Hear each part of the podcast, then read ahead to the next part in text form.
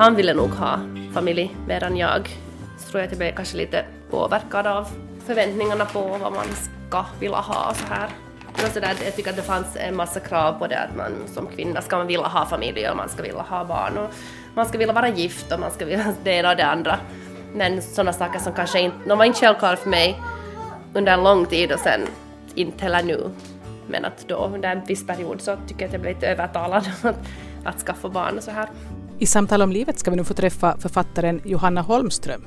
Just precis det börjar bli så aktuellt att jag men att nej nu funkar det inte mer att det blir skilsmässa så jag sa till min mamma att ja, men jag fick ju i alla fall en bra, bra bok utav det om inte något annat. Och två barn. Och jag tror inte att jag skulle kunna skriva den här boken. Det är, alltså det är ju sant, jag skulle inte kunna skriva den här boken om jag inte skulle ha haft det, den mm. erfarenhet som jag hade. Jag som har gjort det programmet heter Ann-Sofie Sandström.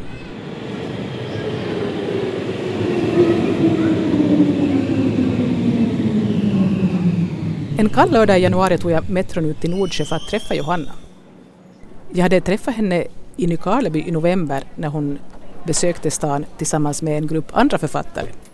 Och den gången kom vi överens om att vi i något skede skulle spela in ett program någon gång när jag annars hade ärende till Helsingfors. När jag kontaktade Johanna i början av året och berättade när jag var på väg söderut så lät hon förstå att tidpunkten kanske inte var den allra bästa eftersom hon hade barnen den helgen och ingen tillgång till barnvakt. Men hon föreslog att vi skulle försöka göra inspelningen utomhus för i så fall fanns det större chans att vi skulle få prata mera ostört medan barnen lekte. Hej. Det här är Ines och det där är Jasmin. Hej. Alltså jag tänkte att vi far till vår, min, liksom min gård, ja. eller vår gård, ja. och så kan man vara ute en liten stund ja. och sen går vi in då, okay. om det börjar bli för ja. kallt eller för rastlöst. Var du och hälsade på några bekanta Helsingfors? Har sån här! Ser du bara, det var ett möte som vi hade igår som... Aha, okej. Okay. Så, ja. så går vi ditåt, där är en hiss. Okay. Ines hitåt. Jag tror att jag vill utforska vårt samhälle. Jag vill förstå vårt samhälle bättre. Det är det som jag, liksom, jag, jag kommer på någonting som jag märker att men hur kan det vara så här, det här är ju helt galet eller något, något tidsenligt fenomen som på något sätt jag inte förstår så, så vill jag bara liksom reda ut det genom att skriva det och skriva mig igenom det och, och fundera och vrida och vända på det från alla olika synvinklar. Så jag tycker nog om att ta upp just de här liksom riktigt aktuella som, sakerna som påverkar oss alla. Johanna Holmströms senaste bok Asfaltsänglar är en roman som kom för ungefär ett år sedan. Den handlar om finlandssvenska Sara som har konverterat till islam och om Saras döttrar Samira och Leila som försöker hitta sig själva och slits mellan olika identiteter. Själv vill jag gärna veta mer om Johanna Holmström och hur det kom sig att just hon hade skrivit den här boken. Är nog en som sover, hördu. Hon sover? Hon är... Nej, nej, nu öppnar hon ögonen. Hon ser sömnig ut. Jag tänker ta ut vagnen nu så sätter henne dit och tittar om hon sover. Ines! Nej, nej, nej. Nu ska du akta dig att du inte får gungan på dig. Jasmin! Ines. Jasmin!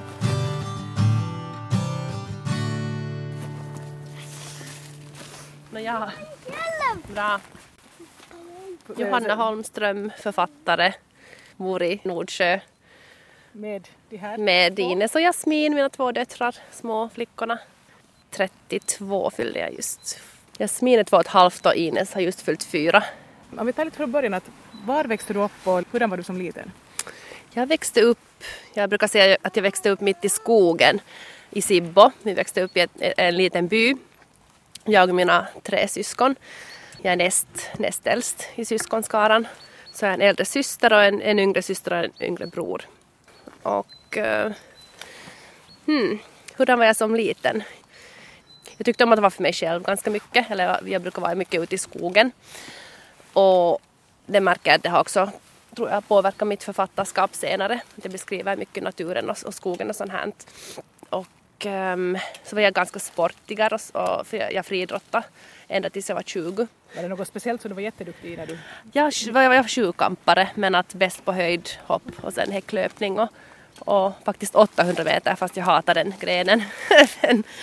jag tror att alla, ingen annan tyckte heller om den och så var det bara jag som hade mest sisu att sen kämpa till slut så att, så att det, det brukar vara min bästa gren fast jag inte alls tyckte om den. Det där låter som något ganska avancerat. Jag menar, folk brukar vara bra på en sak men du var bra på många saker då. Ja, alltså jag var dålig på allt väl då, eller sådär medelmåtta på alla grenar tror jag. Att det brukar sägas att den som inte är bra på någonting så den blir sjukampare. Men um, så var jag också ganska, tror jag, jag hade ganska mycket fantasi när jag var liten så jag brukade hitta på berättelser för mig själv. Uh, och jag trodde att det var sånt som alla andra också gjorde. Men märkte sen att, att det inte kanske var så vanligt heller. Håller du fortfarande på med idrott? Nej, jag är nog jätteaktiv men inte, liksom, inte, alltså inte friidrott för att det är så, en sån tidskrävande grej att antingen så gör, sysslar man med det eller inte, eller så inte. Jag vet inte någon som sysslar bara för hobbys skull med, med ja. friidrott. Att det är nog så pass avancerat. Var det den i lågstadiet du började med det här då eller? Jo, jag tror att jag var äh, nio tror jag, eller tio. Nio eller tio. Och i högstadiet fortsatte du förstås då? Ja, ja det gjorde jag. Så det var de sportiga typerna i högstadiet?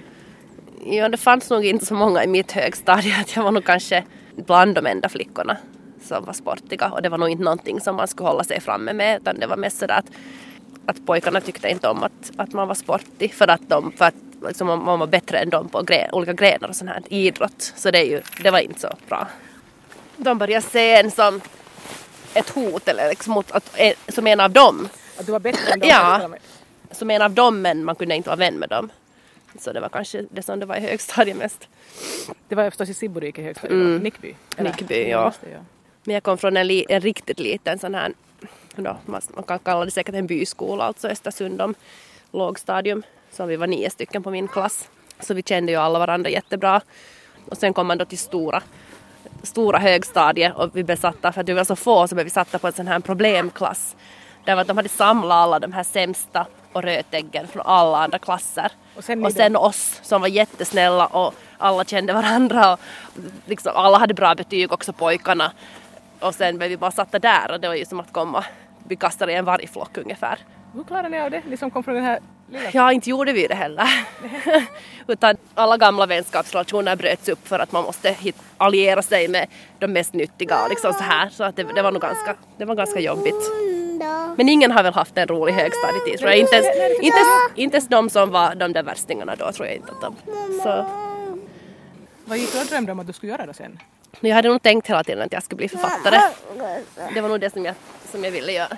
Eller det är det enda som jag har tyckt att jag skulle vilja göra. Redan när du var liksom... Uh, ja, alltså sen jag var åtta år gammal. Då tänkte jag redan på att skriva på allvar. Jag försökte skriva då min första bok som ju blev några sidor lång. Men redan där så, så handlade det om en, om en flicka som går ut i, ut i en skog och, och tappar bort sig och sen träffar hon vargar och sen det, det återkommer ju faktiskt till Kamera Obscura.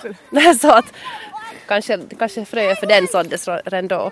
Men jag var nog aldrig rädd i skogen när jag var liten fast vi, liksom, vi försvann ut direkt på morgonen så kom vi tillbaks på kvällen och vi kom bara hem för att äta lunch emellan. Och vi var hela dagen där och byggde kojor och, och med grannbarnen och så här. Och vi var aldrig rädda för någonting.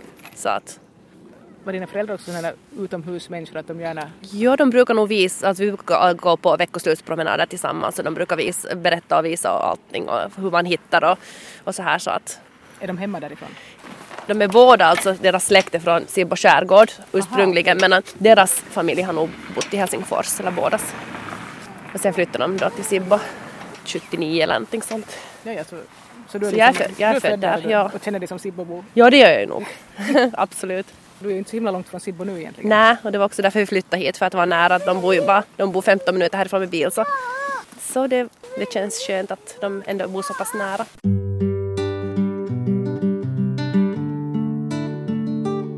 Jag frågade Johanna Holmström vad hon gjorde efter gymnasiet.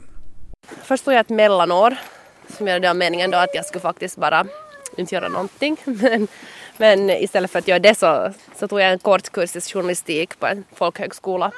Och sen en skrivkurs också för att se, att, för att se om det var någonting för mig. Ja, så märkte jag då när jag, att båda egentligen så, så tyckte jag nog om att göra både journalistik och att skriva kreativt. Och sen efter det så sökte jag då in till, till Sossokom, till journalistlinjen och kom in och studerade. Och medan jag gjorde det så skrev jag min första novellsamling som kom ut första året som jag studerade där. Du har med det fast du studerar? Ja, jag kanske inte studerade så jätteaktivt de här första åren. märkte jag sen, sen tredje året märkte jag att jag inte hade tagit alla kurser riktigt och sånt här. Men nu står jag en slutspurt och så var jag faktiskt en av de få som blev någonsin färdiga, tror jag. Studerar jag också litteratur. Jag studerar litteratur som biämne, nordisk litteratur. Och så bytte jag då så jag tog min magistersexamen i, i det istället. Vi bestämmer oss för att försöka fortsätta inspelningen inomhus. Kom då. Kom, kom. Pappa och allt. Här är din då. Kom den. Och jag har en sån här då. Ja. Det var en vän till mig som jättegärna, som inte har barn själv och som hade funderat på att ja, hur skulle det vara att ha barn och så här. Och så ville han umgås med mina barn. Han ville uppleva vardag med barn. Mamma. Och så träffade han honom några gånger. Och sen efter en tid så sa han att ja, att han har nog kommit över det här med att ha barn. Att nu jag att nu har han gjort rätt val i livet ändå. Så tänkte jag att det var bara mina, mina som gjorde det. Ser du vad jag har? Men titta på det här. Är de på dagarna i, dagis? dagis, ja. Tre dagar i veckan. Sen har de hemma liksom en, en i taget på måndag och fredag. Ja. Så vi kan göra saker som vi inte kan göra när jag har båda. Som att fara till simhallen eller något sånt. Så, sådana grejer. Och du skriver på heltid du då? Ja. Men det går knappast så bra att skriva om du har båda hemma. Bara att skriva. Nej, det går nog inte alls. Jag har prövat men jag har bestämt mig för att ge upp för det, liksom, det är så frustrerande både för dem och för mig. Så hellre kanske då sats på att skriva ordentligt då när de inte är där. Och sen vara med dem när de är där hellre. Att det är det enda logiska. Hur länge har du varit ensam med då? Um, vi är faktiskt två år nu på våren. Ja, nu blir det oljud. Du nämnde här i bilen att du har jobbat åtminstone på Ny Tid och på Borgobladet. Har, du, har du jobbat på många andra ställen också? Jag gjorde min första pra- sommarpraktik på HPL eh, några månader och sen, sen har jag jobbat på radion då på, på Vega, både i Borgå och Helsingfors. Sen har jag också skrivit för, jag har skrivit för en massa andra tidningar som frilans. Så att för Astranova och för Vihreä Lanka har jag skrivit kolumner sen har jag skrivit för Löntagaren och Skriver du på finska också? Ehm, jag har skrivit några kolumner på finska, men jag skrev i huvudsak på svenska nog. Men snälla vänner, kom ut därifrån. Men sådär. Det var, det var meningen sådär att jag skulle utbilda mig till journalist och sen skulle jag jobba huvudsakligen som journalist och så skulle författarskapet vara bara sådant sånt här, så här vet du, sido dit fördriv och så blev det ju helt tvärtom. Så, Vad ska vi äta? inte ska vi äta någonting nu alls. För ni har just ätit. Men sen senare äter vi. Utan nu får ni gå och leka en stund. Vad ska vi äta? Inte vet jag, lek vad ni vill. Ska du bygga legon? Bygg legon. Vi kan säkert fortsätta det. Ja. I vilket skede kom flickornas pappa in i bilden? Ah, no, det var för tio år sedan ungefär. Så, så länge var vi tillsammans. Tio år. Nu är det ju tolv år sedan men. Visste du det när du var liten att du alltid ville ha familj? Nej, det tänkte jag nog att jag inte skulle ha faktiskt. Jag hade nog inte liksom, det var inte jag som hade babyfeber utan det var min dåvarande man. Så att han ville nog ha familj mer än jag. Så tror jag att jag blev kanske lite påverkad av förväntningarna på vad man ska vilja ha och så här. Tycker att det fanns en massa krav på det att man som kvinna ska man vilja ha familj och man ska vilja ha barn och man ska vilja vara gift och man ska vilja det ena och det andra. Men sådana saker som kanske inte, de var inte självklara för mig under en lång tid och sen inte heller nu. Men att då under en viss period så tycker jag att jag blev lite övertalad att, att skaffa barn och så här. Visst var det så att han är från... Han är från Algeriet. Är det därför som du har så mycket insikt i det här med kulturkrockar, kulturskillnader som du i din senaste bok tog fram? Ja, den är nog... Det finns nog en hel del alltså på det sättet självbiografiskt att det är sånt som jag funderar på, sånt som har hänt mig eller någon annan. Jag tror nog inte att jag ska skriva om det heller om inte jag själv ska ha upplevt det, för jag tycker att jag skulle inte ha haft en tillräckligt bra kunskap och jag skulle inte ha vetat tillräckligt bra om inte jag själv skulle ha upplevt det på något sätt. För att då blir det ju sån här, så här vet du, att man, man försöker föreställa sig och leva sig in i, alltså i någonting som man egentligen inte kan förstå. För jag tycker själv att jag kan inte ännu heller själv riktigt förstå, fast jag har upplevt det liksom 100 procent att hur det verkligen är. Så därför valde jag också att skriva om en, liksom om en, finländsk, alltså en finländsk kvinna egentligen och hennes barn och inte då en, en familj som har kommit till Finland helt någon annanstans ifrån. Att författare kan nog föreställa sig mycket men att verkligen kunna veta hur det är så tycker jag inte att man kan göra och dessutom så är ju varje, varje familjs berättelse ju olika. Jag frågar ifall Johannas exman kom från en väldigt religiös familj. Jag skulle säga att de, då ser de sig själva som religiösa på det sättet att de försöker be varje dag och de går till moskén relativt regelbundet, firar alla högtiderna, men jag skulle säga att de är ganska sådär, ganska moderata. Inte de på något sätt väldigt religiösa, men jag tycker att för oss som, som firar, firar, och firar jul och påsk och så här, så verkar de jättereligiösa. Jag frågade Johanna ifall hennes exman ville att hon skulle konvertera. Jag upplevde liksom som indirekt, för att han sa hela tiden att det är inget tvång och, och du behöver inte om du inte vill. Men sen ifrågasatte han hela tiden det, mitt val då att jag inte ville. Och att det var liksom hela tiden en konstant press på att jag, att jag nog borde. Fast han sa att jag inte måste. Liksom. Så det finns ju många sätt att, att utöva påtryckning utan att direkt säga det. Så det upplevde jag nog att det fanns ganska mycket av. Var det då någonting som Johanna alls kunde tänka sig? Jag funderar ju på det, jag funderar också på det medan jag då läste. Det tog ju ungefär sex år att, att skriva boken för att jag gjorde en massa research och sen fick jag mina barn däremellan och jobba lite på heltid. Så, eh, liksom, så det där, så jag hade jättelång tid på mig att sätta mig in i religionen. Och ju mer jag gjorde det så desto mer märkte jag hur den var totalt annorlunda på riktigt än den bild som han försökte då ge åt mig och, och, så som han upplevde den, för han upplevde den ur ett väldigt manligt perspektiv. Och jag läste då allt som fanns, jag läste olika tol tolkningar och feministiska tolkningar och det ena och det andra. När han märkte vad jag lånade hem från biblioteket så sa han att nej, du läser ju helt fel böcker. så, så, och, och, liksom, och sen just det där med feminism så kan han inte alls tåla.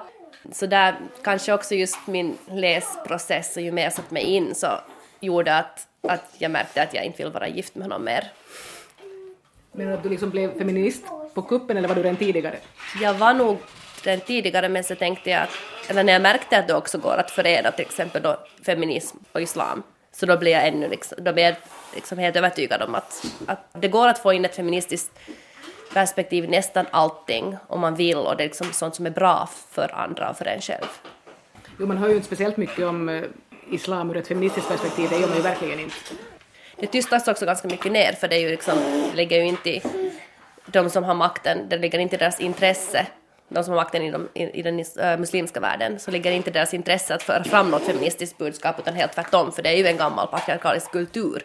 Och det är just den där konflikten mellan kultur och vad religionen skulle kunna vara, om den skulle vara för alla, som, som jag skriver om i min bok. Så det är ju inte på det sättet religionskritik, utan det är mer kulturkritik. Och jag ville också skriva en sån bok som där man skulle förstå skillnaden mellan religion och kultur. För det är någonting som vi blandar ihop jättestarkt och det gör också muslimer tycker jag, som har vuxit upp med islam, så blandar, de vet egentligen inte ibland vad som är deras egen kultur och traditionella sätt att se på saker och vad som är religionen och så säger de att det är religionen fast det är kulturen. Och det var det här som jag också upplevde jättemycket i mitt äktenskap, att det blandades ihop mellan kultur och religion. Och sen när jag själv började läsa om religionen så märkte jag att men det här är ju kultur då, det här som han säger, för det här står ju helt tvärtom i det som ska vara hans religion. Han hade en massa sådana tankar och synsätt på hur kvinnor skulle bete sig, hur kvinnor ska tala, hur kvinnor ska vara, hur kvinnor ska röra sig, hur kvinnor, alltså allt som har med att göra med hur kvinnor ska vara på ett visst sätt för att vara kvinnor. Och sen det var från religionen och sen hittade jag ju ingenting sånt när jag började läsa om religionen, inte något alls. Och sen det också att kvinnor ska, ska stanna hemma och inte arbeta allt sånt här, vet du, om regler om hur länge en, en kvinna måste amma sina barn och sånt här som inte alls har någonting att göra med religionen. För det står liksom att om en, om en kvinna ska amma sitt barn så då, det där ska hon få betalt av sin man. Bland annat att han ska då liksom ge henne ungefär lön. Eller om hon, om hon inte vill amma sitt barn så då har han skyldighet att skaffa en amma. Och sådana här alltså grejer. Så, så vill jag säga som att jaha men oho, att det här låter ju väldigt annorlunda än vad han hade försökt säga åt mig. Så blev det precis du som undervisade honom om vad som stod i Koranen? Och då sa han bara att jag hade förstått fel för att jag kunde ju inte förstå det när jag läste det på svenska för man måste läsa det på arabiska för att förstå liksom den här ursprungliga betydelsen för varje översättning är en tolkning. Ines, vad är det du gör nu? Låt henne vara. Låt henne vara i korgen om hon vill. Men jag har fått feedback i Sverige från unga muslimska kvinnor som är då troende, som är, som är födda i Sverige, men vars föräldrar kanske då från Iran eller Irak eller någonstans, någon annanstans ifrån. Och de har sagt att men precis så här är det ju. Och det har, det har gjort mig jätteglad att, att de har kunnat tänka att, nej, men att visst, att så här, de känner igen det och säger att men så här är det ju. Och de är ändå religiösa alltså. Religiösa kvinnor som vill leva ett, ett svenskt, svenskt liv. Att de är inte vet du, superreligiösa, men de är troende. Precis som flickorna i min bok egentligen. Alltså jag tycker att kravet kanske på muslimska flickor så är väldigt sådär konkreta och det sägs exakt att så här och så här vill vi att du ska vara och de vill vara på ett annat sätt, kanske och försöka hitta sin väg på det där sättet. Medan flickor som växer upp i vår egen kultur så det är liksom det är väldigt subtilt det här att, buds, att budskapen kommer överallt ifrån att hur man ska vara på riktigt då för att och så vidare. Och så finns det också det där just ja ett visst sätt på att man ska vara, vara väldigt exponera sig själv väldigt mycket och, och vara då ganska sådär porrifierad mm. och sen om man är det så då, då är man ju en slampa liksom sen sägs det ju att, att det här finns inte, att det här inbillar du dig då är det ju kanske egentligen mycket tyngre att veta egentligen hur, vad, vad man ska göra, vad som förväntas av en och hur man ska bryta sig ur det och vara sig själv. Jag tycker att det värsta kanske är att man säger att det, det finns inget förtryck liksom i vårt samhälle. Du är inte förtryckt. Och så är man ändå det, för man känner sig alltid förtryckt och man undrar att varför känner jag mig på det här sättet om det inte finns något förtryck. Och då kan det ju på ett sätt vara psykiskt mycket tyngre en del sån anonym kritik som jag har fått för min bok är sådär som att ja, du har ju det jättebra som kvinna i Finland så du ska bara hålla käften. Att far då till Saudiarabien istället. Men inte det är ju det jag vill. Inte vill jag ju fara till Saudiarabien utan för att jag vill ha det bättre här i Finland som kvinna. Jasmin, snälla vän. Har du vänner som har, som har gått med på att byta religion och bli muslimer? Jag känner en som, är, som har konverterat som är en finlandssvensk kvinna men hon har konverterat på egen hand för länge sedan när hon var tonåring. För att hon läste om religionen och tyckte att den passade henne. Hon är ännu också ogift så. Jasmin hör du, nu får du sätta bort dem där sen får du sluta skramla. Ska vi göra så? Så har jag också intervjuat ganska mycket konvertiter då för, av eget intresse just när jag studerar journalistiken nu. Så då har jag pratat med folk och sen har jag läst konvertiters bloggar. Är de ofta att de är mera strikta än sådana som har fötts in i en religion? Jo, de är nog det. Alltså det, det finns tydligen ett, ett litet så behov att bevisa att man också kan. Så där, alltså, den här finska attityden att om man nu gör någonting sånt här så ska man göra det ordentligt då. Liksom att, vad är det för vits att slappa om man, om man gör det? Det är ändå så pass stor förändring. Och sen också en sån här grej att alla hela tiden kollar på varandra och, och vaktar på varandra, att vem gör vad. Så det har jag också med i min bok. Och det är nog tyvärr sant och det, det, det tycker de inte själv heller om att det är på det sättet fast, fast det är nu bara så att de, det skvallras jättemycket. Och det är en stor grupp? Mm, det är nog inte många, alltså det är ju kring jag tror att det var för, för ett antal år sedan 800 konvertiter tror jag. Hur många av dem är kvinnor? De flesta, alltså de flesta, det är ju 90 procent skulle jag säga är kvinnor och det går ju ofta via, via äktenskapet fast de själv säger att, att det är inte är så. Men... Är det då många av de här äktenskapen som slutar i skilsmässa? Ja, det är nog många som är skilda skulle jag säga. Och sen vill de gärna sen ha då en, en finsk muslimsk man, då en finländsk konvertit, men det finns ju inte så hemskt många. För de verkar också vara ganska strikta. Mamma, ja. mamma, jag vill lite något. Är det då komplicerat att konvertera? Att behöver man på något sätt bevisa sin tro eller någonting? Nej, det måste man inte. Man det där uttala trosbekännelsen man kan göra det också bara för sig själv, men helst liksom att det finns några vittnen då, mest liksom av praktiska orsaker, att om man då råkar dö och ska bli begraven, att folk nu vet att man är muslim. Liksom. Men man, inte behöver man registrera sig eller någonting sånt här. Man kan säga trosbekännelsen inför en imam till exempel om man vill, men det är inte någonting annat än det. Det sägs att man kan konvertera också bara i sitt hjärta. Vad är det nu som du gör? Varför gör du sådär? Nej, Ines. Nej, då får du smulorna och hon får dem hela kexen om du gör sådär. När de börjar bli trötta så blir de sådana.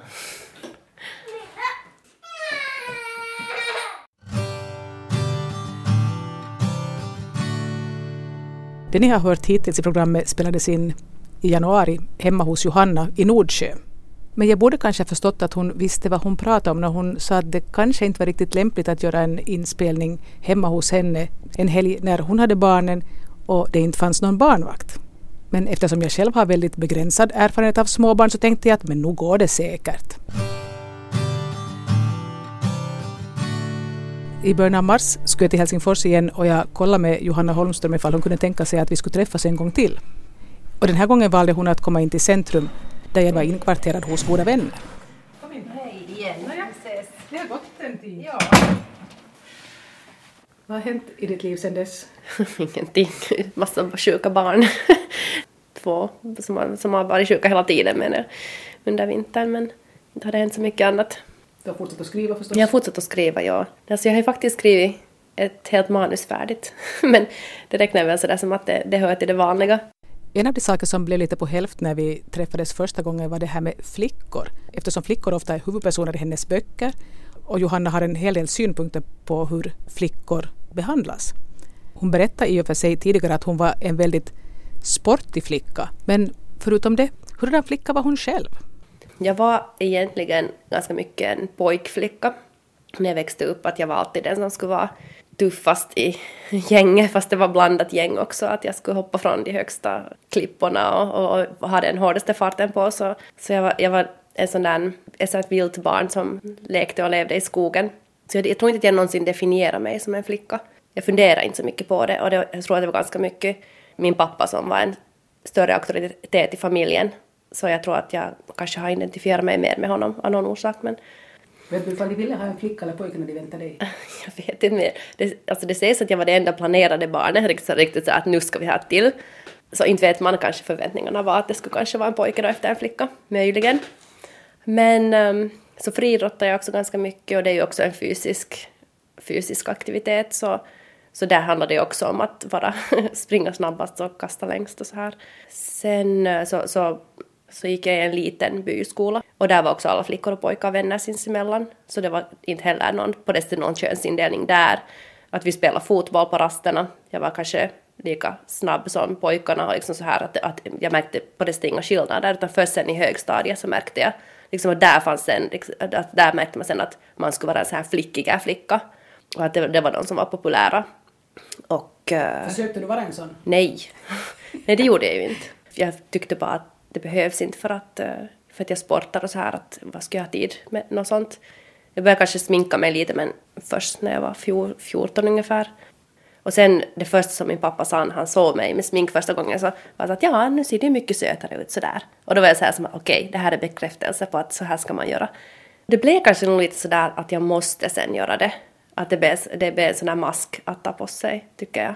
Och det var kanske liksom det där första att, och sen, och sen ja. Men det kom det där första, ja, ja, vi var så skyddade i, ute på landet ännu tills vi kom till stora högstadiet just när vi gick i en liten skola och så här, så, så det, fanns, det fanns inte då ännu riktigt några sådana utseende fixeringar, så här, att man behövde bekräfta sig genom sitt utseende som flicka. Det kom några år senare märkte jag också till den skolan.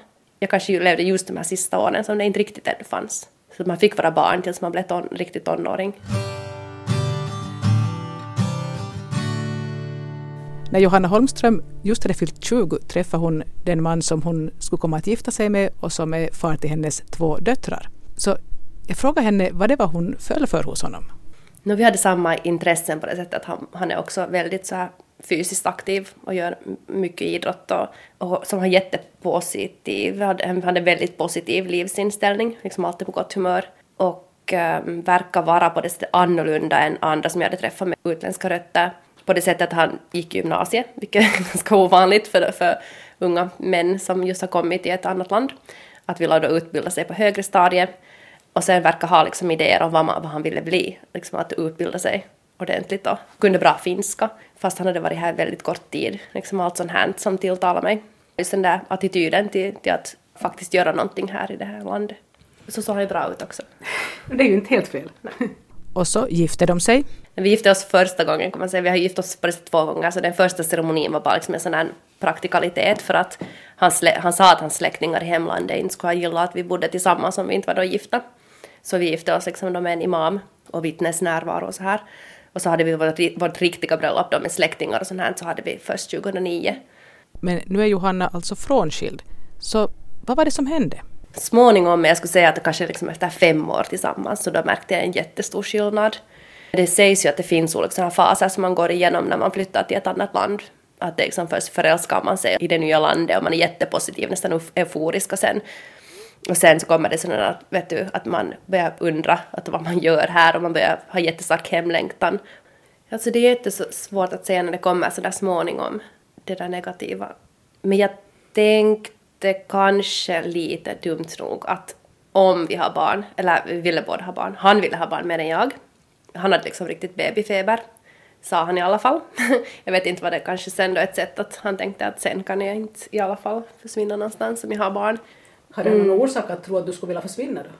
Nej, det, det vet jag inte, men det fanns nog alltså hela tiden ett sånt här, att han pratade hela tiden om skilsmässa liksom regelbundet. För att han ville det eller för att... Jag, att jag tror att det var kanske liksom ett, att han försökte hota mig. Att, att om jag inte gör så här och så här så då skiljer vi oss. För det kom upp liksom hela tiden med jämna mellanrum. Och så tänkte jag då att, jag hade inte tänkt det så hemskt mycket men vi hade alltid pratat om att, att skaffa barn och vi visste ungefär när vi hade tänkt det. Och att, att sen när, det, när jag är färdig med mina studier och, och jag inte mer ska vidareutbilda mig så sparar vi ihop lite pengar och sen kan vi skaffa barn. Så vi gjorde det helt på det sättet planerat. Men sen märkte jag ju att, att det, det var alltså då han försvann helt liksom ur bilden så småningom. Men vart försvann han? Alltså han bara försvann, han hade två jobb till exempel. Så han kunde vara först på dagen på det ena jobbet och på kvällen på det andra. Och sen om han då inte var på jobb så då var han ute med sina vänner och sen tyckte han väldigt mycket om att gå ut i nattlivet då i Helsingfors. Så att ibland såg jag inte röken av honom på några dagar. Och det var till sist liksom bara omöjligt att, att få honom att hållas inom hemmets fyra väggar. Och då hade vi redan ett barn på kommande. Och då blev situationen så helt, alldeles ohållbar. Alltså så jag det skulle säga att kommande, eller- det, då hade vi liksom det, det andra barnet Ja, på det. kommande när han liksom helt på det försvann. Gav han själv en förklaring till varför han betedde sig så? Ja, för det var så otrevligt att komma hem. För jag var så sur. Men förstås var jag sur när han inte var hemma. Liksom det var en sån där... att det bara gick runt och runt i cirklar. Vi pratade ju tidigare om det här att du hade läst på ganska mycket om då hans religion och hans kultur och du kunde se att det som kanske påstods vara hörde med religionen egentligen var den kultur han kom ifrån och som han försökte få dig att lite anpassa dig till. Hur långt gick du där att du försökte anpassa dig? No, alltså nu gick jag ganska långt för det var, det var hela tiden så som att han sa att om du gör det här och det här så då blir det något, då blir nog allting bra. Och så tänkte jag, men okej, det här är inte en så stor grej så det kan jag väl göra. Och sen när jag gjorde det så då var det någonting annat igen som skulle, alltså liksom hela tiden vidare, djupare och djupare ner, att jag skulle förändras. Och vilka saker gick du med på? Nå så här små, små grejer som att, vet du, att ha maten färdig en viss tid eller liksom att, att en kvinnas eh, jobb är nog att, att hålla hemmet rent och prydligt och mannen kan då komma hem då bara och, och, sotta ner allting med att kvinnan ska nu städa upp det igen och så, så liksom bara sådana här saker som jag tänkte att men okej att nu får att jag tar de här stora striderna sen liksom att, att det här, de här små striderna is jag inte bryr mig om. Men, men det fungerar inte på det sättet, det var hela tiden liksom någonting annat sen som jag skulle att inte du, inte du någon riktig kvinna, att finländska kvinnor blir nog aldrig några riktiga kvinnor. Att jag tror att när han var yngre så brydde han sig inte så hemskt mycket. Alltså liksom, då var han öppnare för den finländska kulturen. Han kanske inte funderade så hemskt mycket på liksom, att vilka är hans egna värderingar utan han bara liksom levde mera. Men sen tror jag att när han, när han började bli en vuxen man så blev det också viktigare att fundera över varifrån han kommer och vilka värderingar som gäller där. Och på det sättet liksom på något sätt hålla fast vid någonting som känns mera eget, kanske rötterna eller att inte helt på det sättet assimilera sig. Det är också en sån känsla av att man förlorar kanske sin egen kultur om man helt anpassar sig till ett samhälle. Men det var ändå tio år av ditt liv. Det var det och jag funderar just mycket på det att om det verkligen nu var värt det. Man säger ju alltid sen där efter att ja men jag fick ju barnen så nu får ni... Och nu, det, det är ju sant, det kan jag ju inte förneka. Men att kanske jag skulle ha valt annorlunda om jag skulle kunna gå tillbaka. Johanna nämnde när vi träffades första gången att hon i något skede av sitt liv inte alls var övertygad om att hon ville ha barn. Jag skulle bli den där roliga mostern, fastern som alltid kommer på besök, som alltid tycker synd om att ja men hon har inga barn, att oj vad det är synd om henne, hon är, hon är den som tar ut barn och gör roliga saker och sen får jag gå hem till mitt sköna barnfria liv. Så hade jag nu tänkt att det skulle gå. Men nu är hon ändå idag glad att hon har sina flickor. Jag, jag tänkte liksom också att hur skulle det vara nu då om jag skulle då vara skild från den här mannen ändå och inte ha barnen. Så nu tror jag att jag tycker att det är jättetråkigt nu utan dem. Så, så tänker jag då att ska jag, ska jag vara ännu 40, 50, kanske 60 år till på det sättet. Att, att nu ska det vara tråkigt för mig tycker jag. Och sen känner man ju dem också så pass bra, liksom att det är ju de roligaste människorna som man kan umgås med egentligen. För att man är ju med dem precis hela tiden, så man vet ju precis hur de kommer att funka. Så att då när jag inte är med dem så då har jag ju, först, först är jag sådär som att men kan det nu inte bli det där barnfria veckoslutet än? Och så fort de far så är det så här några timmar så här yes, yes, yes. Och sen efter det så är jag så här, men kan de inte komma tillbaks igen? Så att Hur är med dem nu? de är hos sin pappa. Äh, nej, herregud. Nej, idag är de ju hos mina föräldrar. ja, de brukar nog oftast vara hos sin pappa när jag har någonting så att... Så är ni, ni har så pass vettigt förhållande nu att ni kan liksom Vi, vi har en strikt överenskommelse plus un, liksom några undantag som har med jobb att göra. Skulle ni säga, är ni ens vänner liksom? Så att ni, Nej. ni är inte vänner? Och du fick ju i alla fall lära dig ganska mycket om en annan kultur genom att du var gift med honom. Ja, jag fick ju en, en bra roman utav det. Det sa jag också då. Just precis när det började bli så aktuellt att ja, men att nej, nu funkar det inte mer att att det blir skilsmässa så jag sa till min mamma att ja, men jag fick ju i alla fall en bra, bra bok utav det om inte något annat. Och två barn. Och jag tror inte att jag skulle kunna skriva den här boken. Det är, så- alltså det är ju sant jag skulle inte kunna skriva den här boken om jag inte skulle ha haft det, den erfarenhet som jag hade. Så det fick jag också. Och jag skulle inte ha, tror inte kommit på tanken att skriva en sån bok tror jag. Men varifrån fick du styrkan att sen du bryta dig ur det här äktenskapet när du redan hade två barn? No, det var nog sådär att det var nog nödtvång, alltså jag måste. För att jag skulle inte ha stått ut inte en dag till. Jag var helt liksom mentalt och fysiskt utmattad. För att jag har tagit hand om två barn och sen ännu försöka hålla ett alldeles fläckfritt hushåll med mat på bestämda tider åt en man som inte kommer hem och äter den. Två barn är ingenting att sköta ensam. Det är helt okej. Och man får liksom göra helt som man vill annars. Och, och ha det då råddigt någon dag om det behövs. Så här att det inte finns någon sån här andra, någon annan som man måste ta hänsyn till. Så, så jag var liksom, jag, jag bara måste fara. Hur blev då hennes liv efter skilsmässan? Ja, direkt efter så var jag helt euforisk över att jag faktiskt jag förstod att, att jag behöver inte berätta åt någon vart jag är på väg. Och Liksom, ingen vet var jag är just nu. Det är bara jag och mina barn och jag har inte berättat någon att hej nu far vi till simstranden. Och när vi ska komma hem och ingen väntar på att jag ska laga mat åt dem annat än barnen förstås så det kan jag ju fixa helt. Det är hur lätt som helst. Men för jag hade riktigt liksom ordning på mitt liv så skulle jag säga att det är först nu, ungefär liksom nästan två år efteråt. Att, att det, allting funkar riktigt, riktigt bra och jag har blivit jätteorganiserad och rutinerad och och vet att jag klarar allting själv och det, de, de blir också lättare när de växer upp, att, att de liksom växer och blir, blir lättare på det sättet att sköta, att de sköter varandra på ett sätt också. De leker tillsammans och de uppfostrar varandra. De vet ju precis vad jag förväntar mig av dem så, så de tillrättavisar varandra.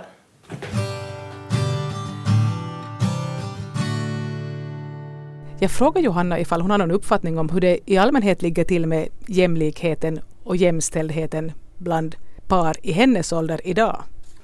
Alltså jämlikt kanske på det sättet att båda är överens om att den andra är människa och har likadana rättigheter, så här teorin i, Finland. Men jämställt absolut inte. Och det är det som också har förbluffat mig på senaste tiden, och speciellt sen efter det att jag då skilde mig och, och började förstå vad som egentligen pågår i mångas äktenskap, många som är helt då finlandssvenska par, kanske då speciellt finlandssvenska par, verkar vara i min egen ålder, verkar vara ganska konservativa. Och mammorna 30 plus liksom, 30... som har några barn då. Kanske det var bättre när de inte hade barn, jag vet inte. Men där mammorna, de måste liksom fråga om lov om de får gå ut. Eller det, det kallas ju inte fråga om lov, men det är liksom, man märker ju att mannen är då ute väldigt mycket. Och sen är mamman då hemma och orsaken är då att ja men du är my- det barnet är ännu så litet, du är den som den känner bäst. Fast du barnet är då nästan, eller över två. Men förstås att, att det barnet är inte vant då vid att det är pappan som sköter om pappan inte har skött. Men förvånansvärt var det nog jag att höra hur hembundna de här mammorna är. Och där finns det ju inte heller sen det där, där finns ju inte den där mannen som säger att ja men det är då religionen som säger det eller det är kulturen som säger det. Så då blir det ju osynligare tycker jag nu det här förtrycket, att det finns ingenting konkret som förklarar varför det måste vara på, det, på ett visst sätt. Utan det kom, man hittar på orsaker och sen är, liksom, det ser ut ändå på samma sätt i de här hemmen som det ser ut i ett arabiskt hem. Men det finns inga ord för det. Inga, ing, det ingen säger rätt ut vad det här är. Liksom. Men det är ju förtryck. Man kan ju intala sig att man är hur nöjd som helst. Fast man kanske innerst inne inte skulle vara det ändå. Och det är också jobbigt tycker jag att ifrågasätta det till och med bara för sig själv. För att då måste man ju liksom då fatta beslut som kanske är obehagliga. Eller försöka få någon förändring till stånd vilket ju kan förorsaka massiva gräl för långa tider framåt och kanske man då hellre inte gör det. Bara för att, som jag också gjorde en lång tid, bara för att man hellre inte försöker förändra någonting radikalt för att man inte vill man vill liksom inte ha den där strid, stridigheterna som ju då går ut på att den andra är så pass nöjd med sin tillvaro då att den inte skulle vilja gå miste om någonting alls. Det är många som faktiskt stannar i sådana förhållanden som jag själv hade. Men jag bara bestämde mig för att det här är inte som jag vill ha av livet. Jag tycker att kvinnor i Finland hålls låsta hålls lugna och låsta och ganska så här kontrollerade för att det finns så mycket förväntningar på de roller som vi ska då uppfylla. Att vi har liksom fem dubbla roller. Vi ska vara duktiga på precis allt och det är ju det här duktighetskravet som får oss också att må dåligt. Medan då, det verkar vara sådär som att, att en kvinna, en, en riktigt perfekt kvinna som gör allting rätt och så söker man efter det lilla felet som hon gör. Medan då en riktigt så här slarvig karl så söker man efter det där det där enda bra som den gör. Och Så att men han, är ju, han gör ju ändå det här, han nu är ju helt okej okay, liksom att, att kanske han är en slarvar men han är ju ändå så artig och trevlig och levad liksom så här och då, då är det helt okej. Okay. Men sen just den där kvinnan som är, då gör allting rätt och så har hon något, någonting som andra kan anmärka på så, att men hon är ju så att det där, hon kan ju inte ens stryka sin, sin skjorta rätt liksom så här. Så att jag tycker att, att kraven är ju på en helt annan nivå. Jag har hört också moderna kvinnor säga sånt att han är så hygglig, han ställer upp som mm. barnvakt. Vadå ställer upp som ställer barnvakt? upp som barnvakt. Och han hjälper till där hemma. Hjälp, ja, det är ju det här som jag blir så allergisk för nu, alltså nu efteråt, eller jag blev ju under tiden som jag var gift också. Men just efteråt, speciellt med det här att man inte ser det här gemensamma hemmet som gemensamt. Man går omkring och strör sina saker överallt och smutsar ner och städar inte upp. Och sen då om man gör, städar upp efter sig själv, så då hjälper man till. För det där som är den där andras uppgift och liksom hela det här allting hur man talar om de här sakerna borde ju förändras. Också mannen borde ju se det som sin, sitt eget hem som den har ansvar för till 100 procent, eller i alla fall till 50 procent. Och också de där egna barnen som ju är faktiskt då hälften genetiskt sett de egna. Och också det, alltså det är ju på ett sätt också nog förtryckande mot män att, att de här attityderna också på det sättet uppmuntras av kvinnorna som de är gifta med för att det underminerar ju deras chanser att lära känna sitt eget barn. Fast de kanske tycker att oj, de slipper undan. Men det som de slipper undan är kanske inte värt det. De kommer undan att lära känna sitt eget, sitt eget barn. Och sen klagar de ju på att det är kvinnan som har alienerat dem från, mm. från, från barnen. Så det verkar ju ändå finnas sådär som att kvinnan ska utbilda sig, hon ska ha det där bra jobbet men hon ska ändå sköta markservicen, sköta om mannen, sköta om hemmet och allt det här liksom är nog oförändrat. Och det har bara blivit mera, mera, mera uppgifter som man ska sköta bättre och bättre. För det ska ju också se ut hemma som i inredningstidningarna. Hur ser du på din framtid? Har du tänkt att du ska i något skede börja dig ut och kanske hitta någon ny person att dela ditt liv med eller? Jag tror att jag nu vet en hurdan sorts person det skulle måste vara. Jag skulle måste ha ett absolut jämställt förhållande. Liksom helt absolut, till och med inte i absurditet. I alla fall nästan. Men det där med en person som inte tänker i, liksom i könstermer. Jag vet inte om det finns så hemskt många sådana här i Finland. Det kan hända att det finns, men sen ändras de också. Mm, det är möjligt. men alltså jag har ju i alla fall bestämt mig för det att, att om jag inte får det så då vill jag inte ha någonting alls utan då jag har ju det så pass bra så som jag har det nu. Jag är ju nöjd med min tillvaro och det att jag inte behöver berätta åt någon vart jag är på väg och att jag får helt bestämma själv och jag har märkt hur skönt det är liksom att inte behöva kompromissa så hemskt mycket med någon och inte dela någonting egentligen och det, det är bara så härligt att bo på det sättet och få bestämma själv över hur jag uppfostrar mina barn nästan till 100 procent. Så att det, det, är nog inte någonting som jag skulle... Det skulle nog måste vara en väldigt, väldigt speciell person för att jag skulle göra några kompromisser överhuvudtaget. Aldrig i livet att jag skulle ge upp ett enda uns av liksom min personliga frihet som jag har som människa i Finland i ett parförhållande. Ni har hört författaren Johanna Holmström i ett samtal om livet och jag som gjorde programmet heter Ann-Sofie Sandström.